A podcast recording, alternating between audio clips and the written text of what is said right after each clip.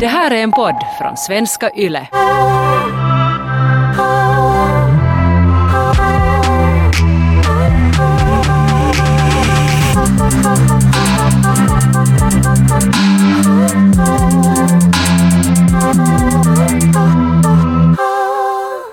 Det har kommit fram att en svensk manlig artist har varit i ett förhållande med en tjej som där de träffades bara var 15 och han var då 26. Och den här tjejen, så hon har kommit ut med att säga att han har då manipulerat henne och hon har känt sig jätteutnyttjad och mått psykiskt jättedåligt av det här förhållandet. Och jag började tänka på den här tjejen och på vad hon har gått igenom och just på det att han påstår att hon var helt tillräckligt mogen för att förstå vad som hände i det här förhållandet och att han inte är skyldig till någonting. Så har du upplevt sådana situationer som, som tonåring, som 15 år gammal till exempel då som den här tjejen var? Jag har funderat själv också på det här hemskt mycket nu, för jag har följt den här diskussionen Mm. som, som har um, som startade typ en vecka sedan på sociala medier mest. Och jag har inte själv kanske upplevt något så grovt som, som det nu som jag har läst om.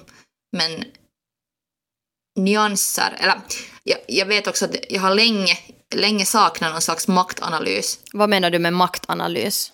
Alltså maktanalys, som att, att du...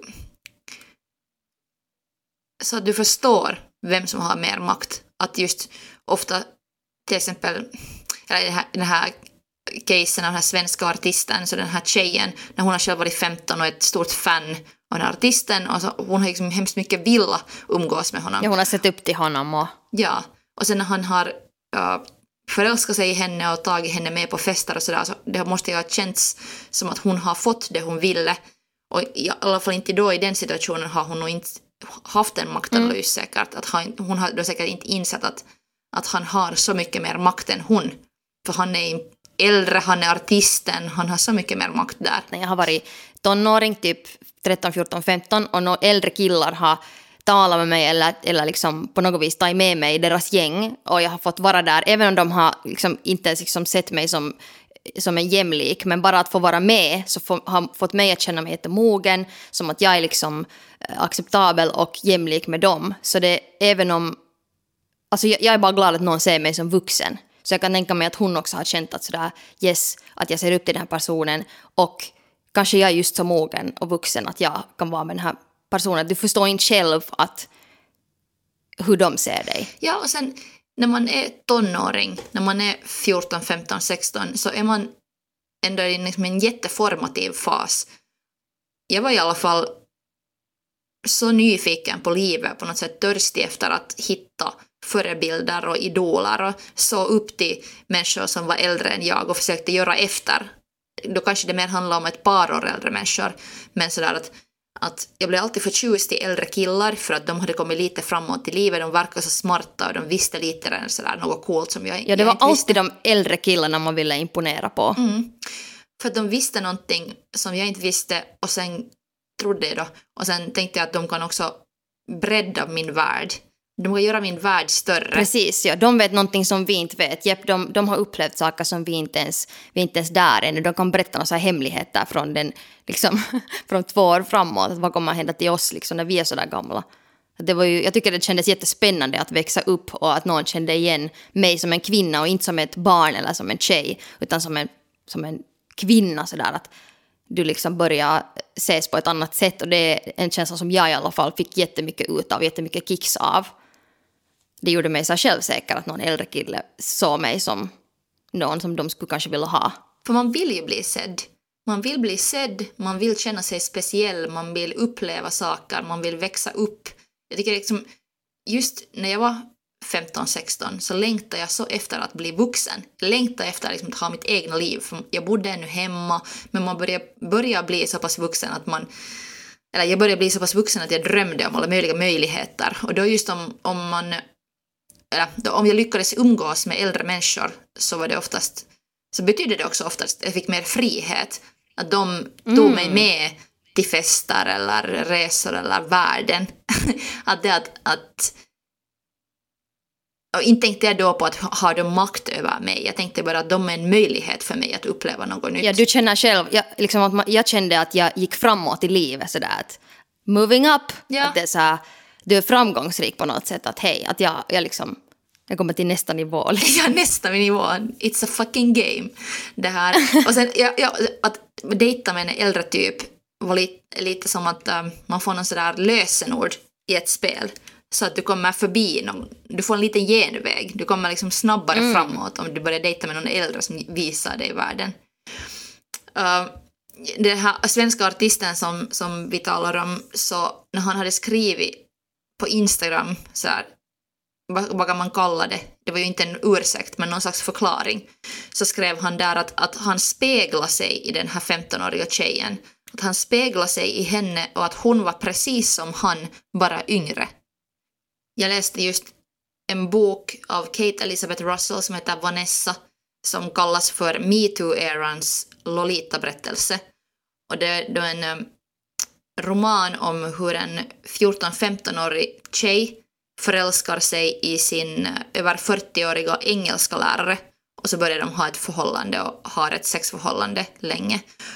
Och, och sen först i vuxen ålder så tvingas hon um, att inse att det har varit ett sexuellt utnyttjande. För att hon har, hon liksom, hon har så villa hela sitt liv tänka att det var en kärleksberättelse, att det var en stor, stor formande rom, romans. Och det är just som kommer fram i den här boken, är också att denna läraren, vilket också är en sjuk maktposition, en lärare som, som förför sin elev, grumar sin elev. Och grumar ju också vad den här svenska artisten har gjort till den här unga tjejen, sitt fan. Att man berättar till den att du är speciell, du är som jag men du är yngre, du är så mogen för din ålder. Ja, grooming är en lång process som ta- det liksom händer ju inte bara så, utan det liksom kräver ganska mycket jobb att få en, en person att sådär, A, lita på dig och B, sådär, vilja vara med dig och att du känner, den känner sig så sådär viktig i ditt sällskap. Och sen småningom när du har fått det där förtroendet så sen börjar man också lite sådär ta ner på den här människan så att den blir mer osäker och den känner att den är ännu mer beroende av dig och du är den enda som den kan ha. Och sen, sen blir det liksom, kan det bli ganska skrämmande. Har du blivit groomad? Någonsin? min syster chattade med en kille från Frankrike. Och sen när vi var där hemma tillsammans så var jag också ibland med där i den här videon. Och sen så började jag och han att chatta och videochatta så här. Och sen han var så här småningom liksom han var så där jätte på något vis kärleksfull och ville så där få mig att känna mig jätte, jättesäker. Och det tog liksom, höll, höll på jättelänge sådär att jag kände mig jättesmickrad och jag kände mig inte så speciell. Och sen småningom så började han och så fråga hela tiden om jag kan typ flasha eller göra någonting, visa någonting. Och sen övertalade han mig ända tills jag till slut gjorde det. Sen tog han en bild av det och skickade till min syster. Ja, alltså vi, visa din kropp. flasha mina boobs. Och också den här stunden, liksom bara, eller det som kanske hände i mitt huvud också när han, uh, han var så intresserad av mig och han ville tala med mig och han tyckte att jag var så sådär intressant och vet du, och, och sen också det att han såg mig som het och då var jag ännu, jag var ju inte liksom, herregud, jag var eh, inte alls sådär färdigt utvecklad ens, jag var ju liksom ännu ett barn, helt tydligt ett barn. Så han, jag kände mig sådär att jag var jätteåtråbar och sådär kvinnlig. Så sen det fick mig att vilja göra det. Men sen senare, och då kände jag mig så här modig och jag kommer ihåg att det var ett roligt i stunden. Men sen efteråt när min syster visade den här bilden till mig och sa att vad är det här? Och hon bara så gapskrattade till mig. Vilket inte kanske var den helt bästa reaktionen där. Men, eh, men så då, då insåg jag sådär att herregud, nu hände det någonting konstigt. Att det här var inte liksom bara den här roliga grejen som vi, vi gjorde där med den här franska killen i chatten, var jag känner mig lite kvinnlig och får visa mina boobs, utan det här blev någonting smutsigt nu. Fortsatte du att chatta med honom sen? Kunde du alls lita på honom efter det? Eller var, det, var er connection sen på något sätt bruten efter det? Jag vet inte, jag kommer ihåg att jag nog bad honom att, för, att ta bort den här bilderna, men jag kommer inte sen ihåg. Jag, jag vet nog att han sa att han inte tänker ta bort dem.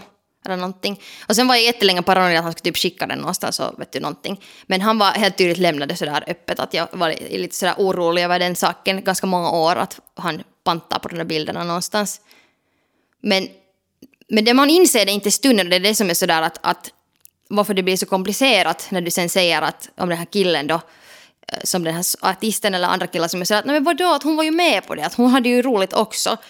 Men skillnaden är den att, att den ena är jävligt mycket yngre och har helt andra motiv. Som egentligen bara är att försöka komma uppåt i världen och man fattar inte att man blir utnyttjad.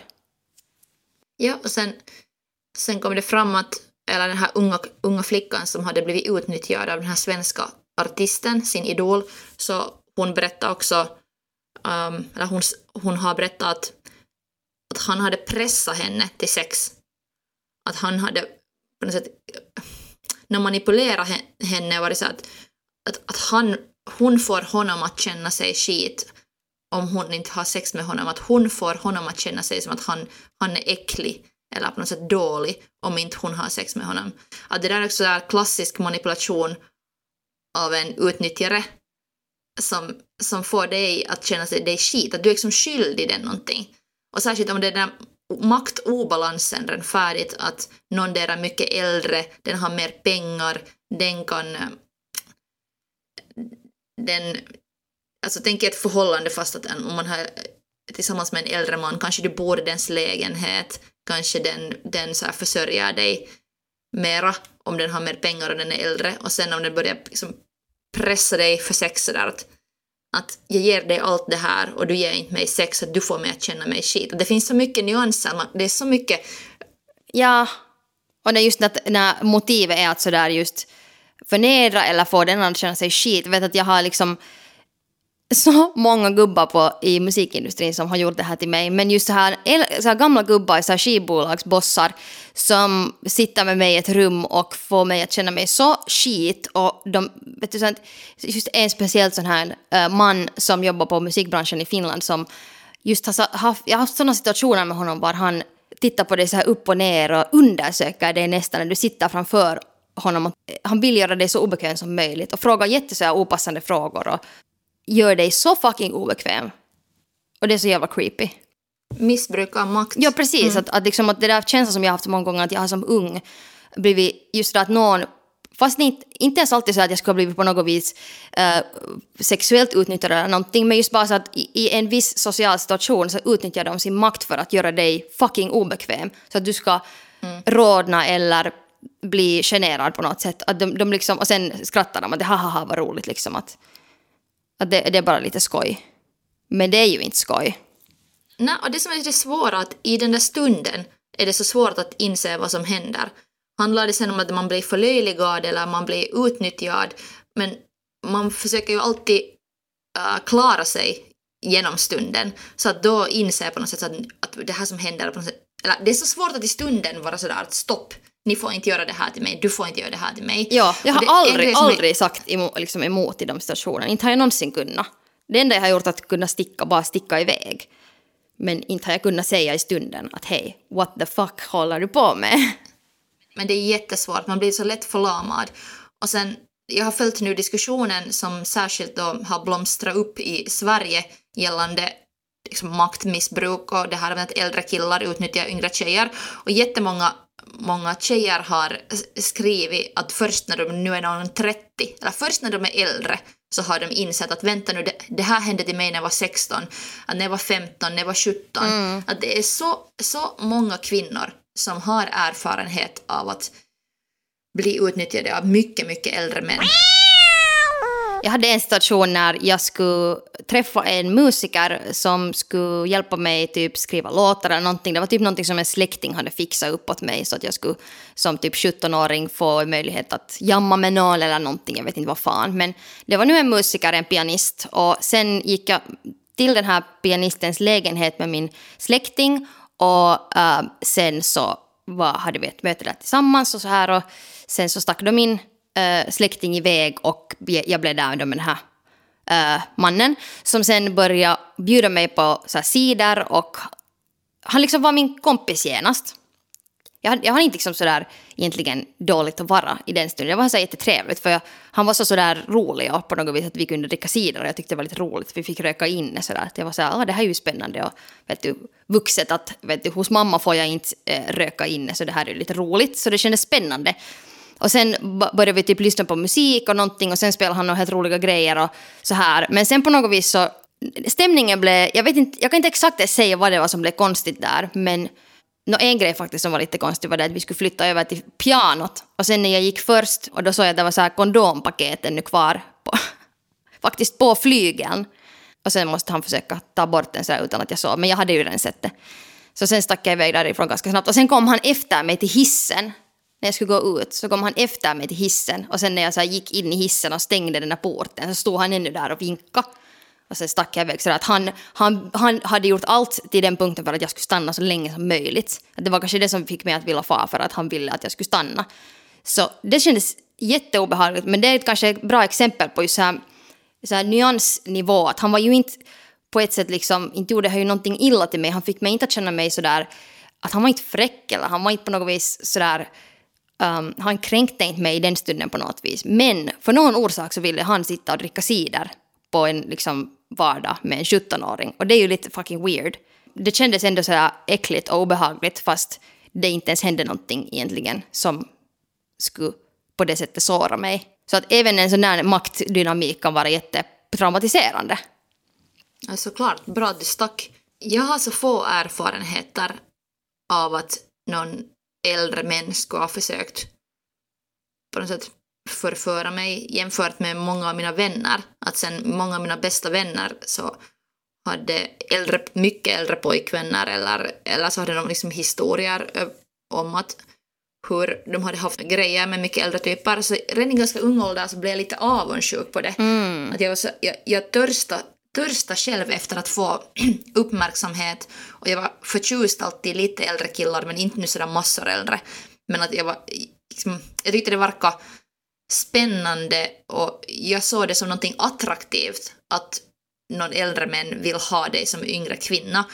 Och det insåg jag faktiskt när jag läste den där den här boken Vanessa av Kate Elizabeth Russell så insåg jag att jag har typ hela mitt liv glamorifierat Glamorisera? Glamorisera. Glamorisera uh, Lolita-rollen. Okej, okay, vad är Lolita-rollen? Alltså, jag har inte läst Lolita, men den här klassiska berättelsen om en äldre man som, som uh, inte ens kanske förför utan kidnappar sin ex-flickväns dotter och för han blir så kär i den här tonåringen och sen det, boken är skriven från den här Humbert Humberts syn hur han ser den här unga Lolita, hur hon är så sexig och vacker och fantastisk och han kan inte hjälpa att bli kär i henne och på något sätt ta henne. Fast jag inte har läst den så har jag sett båda filmatiseringarna. Tänk att det har gjorts två filmer av en sån här story. Det är också liksom två filmatiseringar av den och den här Lolita-rollen, den finns så överallt i vår, vår populärkultur. Jag, jag vet, själv älskar alla Lana Del Rey-sånger där sjungs bara om så här daddies och, och den här liksom, Lolita-estetiken är så stark. Och, ja, och sen till, och med liksom, alla affischer, posters på de här uh, Lolita-filmerna är jätteestetiskt vackra. Det finns en sån här bild var eh, den här unga flickan i sen hjärtformade glasögon suger på en lollipop. Mm. Vad heter det på svenska? En slickepinne. Slickepinne. Och det är liksom en så ikonisk bild. Ja. Bara den där bilden av hur, hur en Lolita är så sexig och ung och, och på något sätt och äldre män vill fin. ha henne. Eller? Ja, alltså den är någonstans så djupt också i mitt undermedvetna så att jag, strä, jag, jag strävar till att bli en Lolita. Och, när jag läste den här Vanessa-boken då, när den är skriven istället från Lolitas synvinkel, när huvudpersonen i boken är en 15-årig tjej när boken börjar, så först när jag läste den här boken så insåg jag att, att hur vrickat det är att vilja vara den där Lolitan och hur, go, hur, att, hur alltid ändå liksom, hur dåligt det går för henne, för att hon är ett offer som lider av att hon blir utnyttjad. Och att, att eftersom populärkulturen och världen runt mig mest är på något sätt glamoriserad manlig blick som älskar Lolita-myten och älskar unga sexiga tjejer så har jag liksom gått hela mitt liv omkring och kanske varit avundsjuk på mina kompisar som har blivit utnyttjade som unga eller Mm. på något sätt har varit så att snart, snart är jag inte ung och snygg mer och då mistar jag allt mitt värde. Ja, men jag var nog också jätte sådär att herregud, att om inte de där äldre killarna, om de bara tyckte om min kompis eller min syster, så kändes det nog jätte, jätteskit. Att jag ville att de där äldre killarna skulle tycka om mig. Och det var jätteviktigt att, och säga usch, jämnåriga, blä. Att jag har också i många, många år tänkt sådär att jag skulle aldrig dejta någon som är jämnårig med mig, att det måste vara i alla fall lite äldre. Att det är lite sådär, att om man dejtar någon jämnårig så är det så tråkigt. Att då är du jättebarnslig. För några år sedan så blev jag jättenyfiken och följde Courtney Stodden och Doug Hutchisons eh, förhållande. Och alltså Courtney, när de träffades, hon var, jätte, hon var typ no, en tonåring och hon var typ, han var över 50. Och sen gifte de sig. Vem är det här? No, hon, han är den här ena skådisen som var i Green Mile, tror jag. Um, och hon är en så här blond bombshell tjej som typ har börjat så här lite karriär som uh, så här ta kanske lite mera så här lite topless-bilder eller lite så här sexigare bilder och hon vill bli sån här, vet du, nästa Pamela Andersson. Men de gifte sig och jag kommer ihåg att jag följde den här casen och jag funderade att hur i helvete är det här möjligt att hon känner sig bekväm i den här situationen. Och jag, jag kommer ihåg att jag tittade maniskt på alla, alla videor och intervjuer med dem och när de snackade, alla, alla, hela världen ville veta hur är det här förhållandet möjligt? Hur kan det vara att du, den här unga tjejen som hon var inte ens 18, hon måste få sina föräldrars lov för att få gifta sig med den här mannen då, som hon sen gjorde. Och alla har funderat, hur är det här möjligt? Och hon övertygade, hon var så att, att hej, jag är lycklig, jag älskar den här mannen, han råkar vara jävligt mycket äldre än mig, men vi är ett par och vi är där för varandra och vi tänker vara tillsammans för evigt. Och vi är på riktigt förälskade. Och han instämde. Och bara så att okej, nå, min, min, liksom, mitt huvud kunde inte förstå det, men så var det nu bara. Och sen hade det gått jättemånga år och jag har glömt hela grejen och slutat följa det där caset för det blev sen tråkigt och de var ihop. Men sen nu, mycket senare, kanske tio år, jag vet inte exakt hur många år, så de gifte de, alltså skilde de sig. Och då har hon berättat att det var faktiskt så att hon tyckte att hon var helt för ung och att hon kände sig utnyttjad av honom. Och alla de här sakerna som hon svor då i de här intervjuerna då när de gifte sig att nej, jag är lycklig och jag vet vad jag gör och jag vill ha, vara i det här förhållandet med den här 50-någonting-åriga mannen. Så sa hon sen nu att nej, att jag... Hon säger liksom motsatsen. Så det där tycker jag är jätteintressant. Att du kan som ung just vara i den stationen och du känner att hej, jag vet vad jag gör. Men sen senare först inser du att nej, det kändes inte bra och det var obehagligt. Men man vill, ju- man vill ju inte vara ett offer. Nej, precis. Som i den här Vanessa-boken så är det samma i den här case med den här svenska manliga artisten som har utnyttjat den här unga tjejen. Först när förhållandet har slutat och först när, när hon, hon är unga tjejen på något sätt tvingas till att inse att, att livet är nu just jättesvårt, att vad kan det här allt bero på? Så först sen börjar den här processen av att inse att vänta nu, att här har nu hänt saker som jag inte har velat, som, som inte är rättvisa och som inte, inte har liksom varit bra för mig. Att kanske som det- så det här som du också berättade om, att, att om man då som en ung människa har haft ett förhållande och till och med varit gift med någon mycket äldre, så är det ju en stor del av ens liv, det är en stor händelse i ditt liv. Och den här illusionen av att du är i kontroll, den där illusionen av att du har bestämt, du vill också det och du, du är i kontroll, du är vuxen. Att först sen när du på något sätt känner dig trygg så kan du säkert medge, eller när du får stöd av andra. Ja, för det som också ofta, ofta händer i situationer var en person blir groomad är att den här personen som den här artisten också hade gjort till den här unga tjejen, att han fick henne att inte mera kontakta sina vänner och så här, att de vill liksom lite frysa ut dig så att de kan ha dig för dig själv. Och sen så när du inte har någon annan än den personen så blir du väldigt beroende av den. Och sen så även om den är jättehemsk och jobbig så kan du inte ifrågasätta det för att du behöver den personen så mycket. Att du blir liksom beroende av, av någon. Men jag tror också att det är jätteviktigt att sådär inte just är det sen någonting grovare eller, eller just så här konstiga grejer som vi ibland har gjort för att imponera på äldre killar eller för att kännas vuxna sådär att man inte just shamear sig själv eller andra tjejer för att de har gjort det.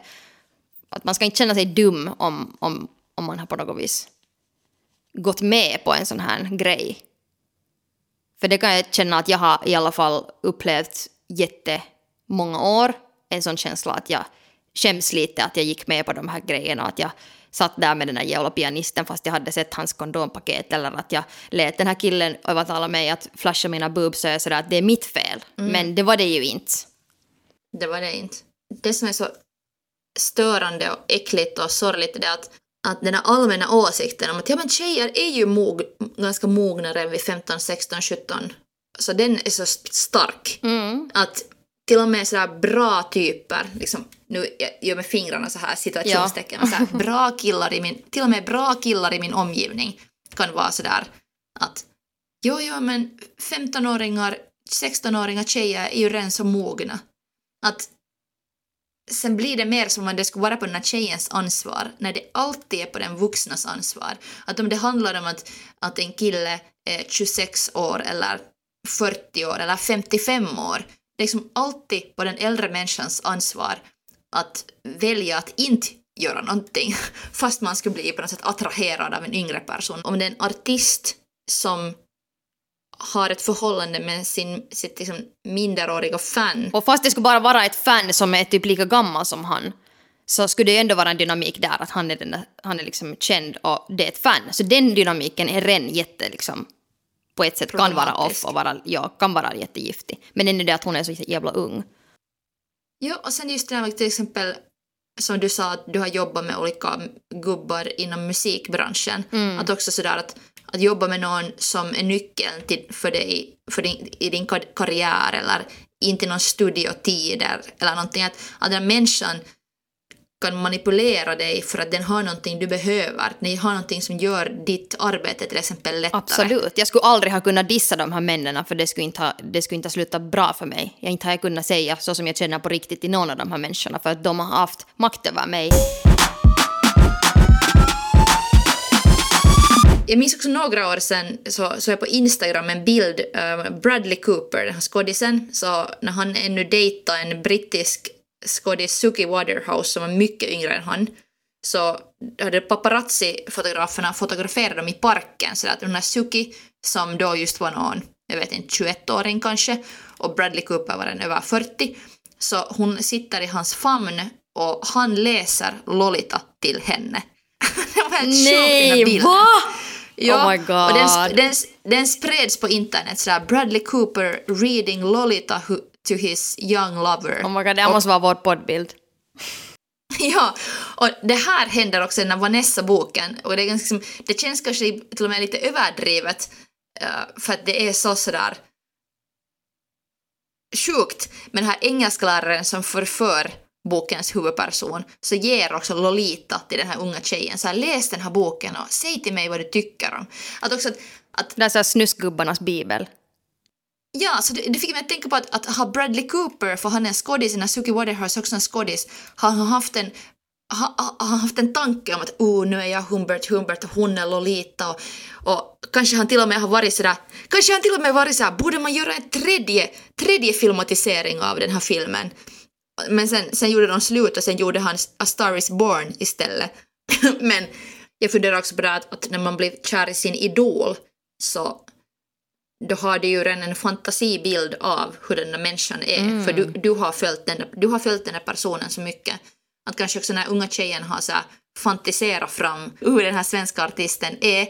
Och sen när man inleder ett förhållande så kanske man inte ens vill medge att vänta nu, det här min prins, min drömprins behandlar mig dåligt. Och det där händer ju alltid också om det är någon slags äh, giftigt förhållande var det finns manipulation och sånt så det är ju det som händer är det att du vill inte tro att det är sant att den här personen gör det här till dig och att du vill lita på den. Du vill ju inte leva i den världen var någon gör dig illa utan du vill leva i en värld som är lycklig och där du känner dig trygg. Så då ibland så förnekar man massa saker för att sådär känna för en stund att man att det finns en chans att man kan få det med den personen. Jag hade, jag hade en vuxen person i mitt liv just när jag var typ 13 till 15 år um, som var en äldre man och han, han, han var den första typ sådär vuxna människan som sa till mig att jag ser dig och du kan bli vad som helst.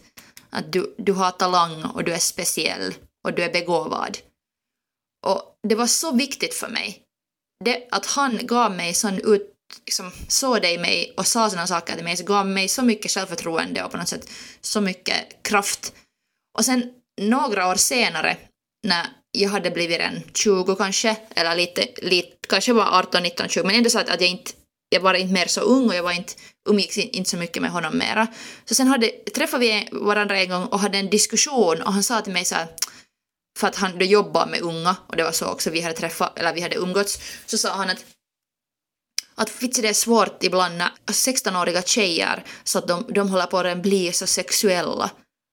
Och jag minns att det blev så att, att fast, fast han aldrig hade försökt någonting med mig och det fanns, det fanns aldrig det, liksom, det hade aldrig hänt någonting och jag, hade, jag hörde inte heller att det skulle ha hänt med någon annan. Men på något sätt, jag förlorade all min respekt för honom, jag förlorade all min uh, tillit till honom och jag också måste sen ifrågasätta alla de där snälla kommentarerna.